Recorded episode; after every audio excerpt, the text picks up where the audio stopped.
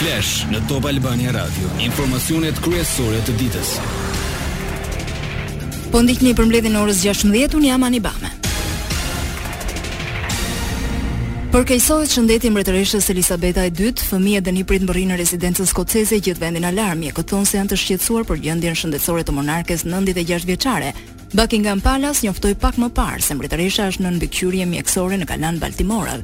Princi Charles, trashëgimtari i fronit britanik, ishte i pari që mbërriti në rezidencën skoceze me bashkëshorten e tij Camilla.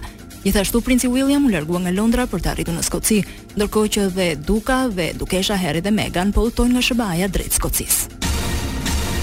Mbretëresha Elizabeta e dytë u shfaq në publik në këmbë, por e brishtë dy ditë më parë teksa kreu procesin e dorëzimit të qeverisë britanike mes Boris Johnson dhe Liz Truss, kryeministrja e pesëmbëdhjetë gjatë shtatëdhjetë viteve të mbretërimit të saj. Për më shumë informacion rreth situatës në Mbretërinë e Bashkuar kemi në linjë telefonike korrespondentin tonë në Londër, Arben Manaj. Përshëndetje Ben. Përshëndetje. Nga informacionet që qarkullojnë në Britani si paraqitet gjendja shëndetësore e mbretëreshës Elizabeth. Për momentin gjithçka thuhet që mbretëresha është në në supervizion mjekësor nga mjekët thjesht do doja të spekuloja që besoj në 24 orët e fundit Diçka katastrofale mund të ketë ndodhur me shëndetin e mbretëreshës, pasi është e pazakontë që gjithë familja e saj të thirret për të qenë pranë mbretëreshës. Unë shpresoj që në orët në vazhdim të ketë ndoshta një përditësim nga Pallati Mbretëror mbi gjendjen shëndetësore të mbretëreshës.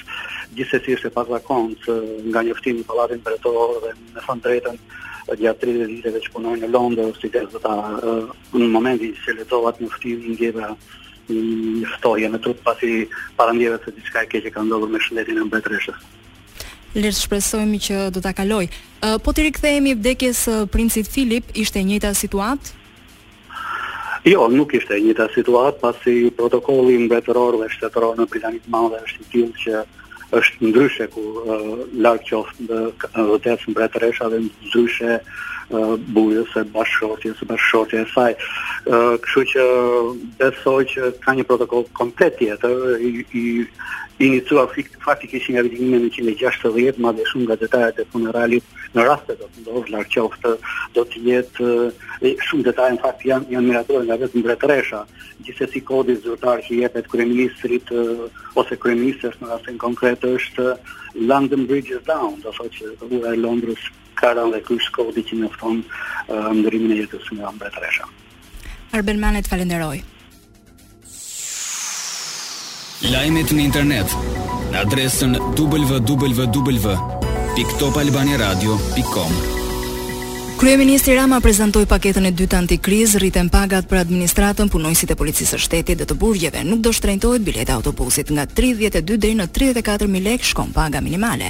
Qëndrojmë në tre pika që ishte paketa tjetër në të njëjtën qasje, mbështetja për naftën pa taksa për fermerët, për TVSH-në e peshkimin, për mos prekjen e çmimit të biletës së transportit, tha Rama. Çmimi i energjisë do jetë 42 lekë kilovati për të gjithë ata që shpenzojnë mbi 800 kilovat. Ministrja e Energjisë Belinda Balluku tha se paketa e kësaj fashe i përket një grupi shumë të vogël abonentësh, mbi 96% e atyre familjar konsumojnë nën 800, Tridhjetë e pesë lekë është çmimi plus shtatë tarifa e shpërndarjes dhe në total shkon dyzet e dy lekë kilovati. Më tridhjetë e një dhjetor vendoset çmimi i ri për fashën. Sot në seancë plenare deputetja demokrate Jorida Tabaku tha se ndryshe nga sa deklaron qeveria nuk ka paketë antikrizë. Sipas saj, Rama tha se këtë vit qeveria shqiptare nuk ka paketë, por është ndryshim normal buxheti. E gjitha është 50 milionë euro, dikush t'i shpjegojë këtij se indeksimi lidhet me normën e inflacionit, çmimet janë rritur nga 7.5 deri në 29% për disa produkte. Në Britaninë e Madhe, kryeministrja e re Liz Truss sot paraqet planin e ri në vlerë 150 miliard pound për të ngrirë faturat e energjisë elektrike. Siç shkruan BBC ekspertët dhe organizatat bamirëse kanë paralajmëruar se faturat e larta të energjisë do të rrezikojnë jetën e britanikëve këtë dimër, pasi ata po luftojnë për të përballuar kostot bazë të jetesës së përditshme. Shtrenjtimi i faturave të konsumatorëve vjen pas rritjes së madhe të çmimit të gazit me shumicë për shkak të konfliktit të Rusisë në Ukrainë.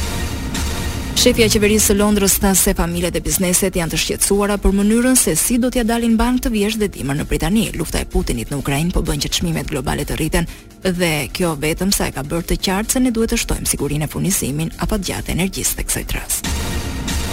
Zgjati rreth dy orë kontrolli policor në ambasadën e Iranit në vendin tonë në rrugën Mustafa Matohiti në Tiranë, e nga ku paradite u larguan diplomatët e fundit.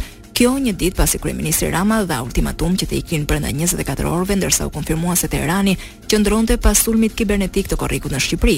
Ata u larguan nga vendi ynë duke djegur dokumentet në një fuçi. Ndërkohë flamuri iranian vijon të valvitet në godinën e boshatisur dhe për të cilën nuk dihet se kush do ta administrojë. NATO shprehu mbështetjen për Shqipërinë pas sulmit kibernetik iranian. Një deklaratë thekson se ishte sulm keqdashës ndaj aleancës pasi kërkonte të cënonte sigurinë. Sipas NATO-s, aktorët keqdashës janë kanë synim të ndërhyjnë në shërbimet qeveritare të Aleancës Veriatlantike dhe të pengojnë aktivitetet ushtarake, ndaj duhet kundërshtuar spektri i plotë i kërcënimeve kibernetike, dhe po punohet në këtë drejtim. Në ceremoninë e marrjes së detyrës drejtori i ri i përgjithshëm i Policisë së Shtetit, drejtues Madhor Muhamet Rrumbullaku sot bëri betimin si dhe mbajti një fjalim ku renditi prioritetet e punës. Policia ka nevojë për një frymë të re që e sjell gjenerata e re e Policisë së Shtetit, tha Rrumbullaku. Ai zëvendëson Gledis Nanon i shkarkuar në fund të gushtit për mosarritje të objektivave.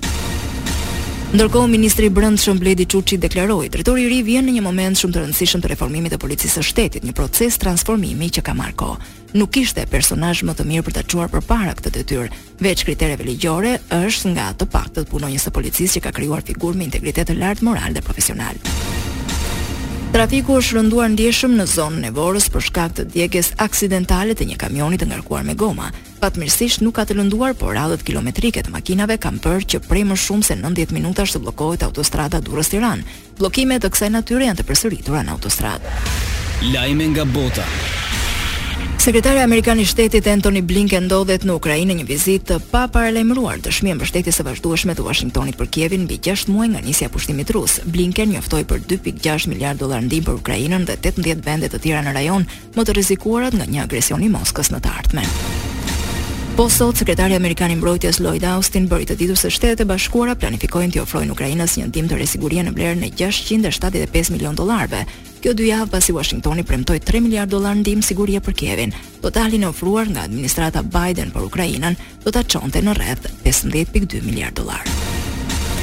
Edhe një delegacion i Kongresit Amerikan po viziton Tajvanin, ndërsa tensionet me Kinën vazhdojnë të larta rreth pretendimeve mbi këtë ishull që vetëqeveriset. Acarimet vijojnë nga koha kur kryetarja e Dhomës së Përfaqësuesve Nancy Pelosi vizitoi Tajvanin më herët gjatë gushtit, Pekini u kundërpërgjigj duke zhvilluar stërvitje ushtarake pranë ishullit. Parashikimi i motit. Vendi ynë do vijojë të ndikohet nga kushte të qëndrueshme atmosferike falë masave ajrore të thata me origjinë perëndimore vetëm në relievet malore, ku edhe ka reshje shiu të izoluara në formë pikash ka përjashtim. Temperaturat variojnë nga 14 në 34 gradë Celsius. Këtu kemi përfunduar, mirudëgjofshim në edicionin e orës 17. Kjo është Top Albania Radio.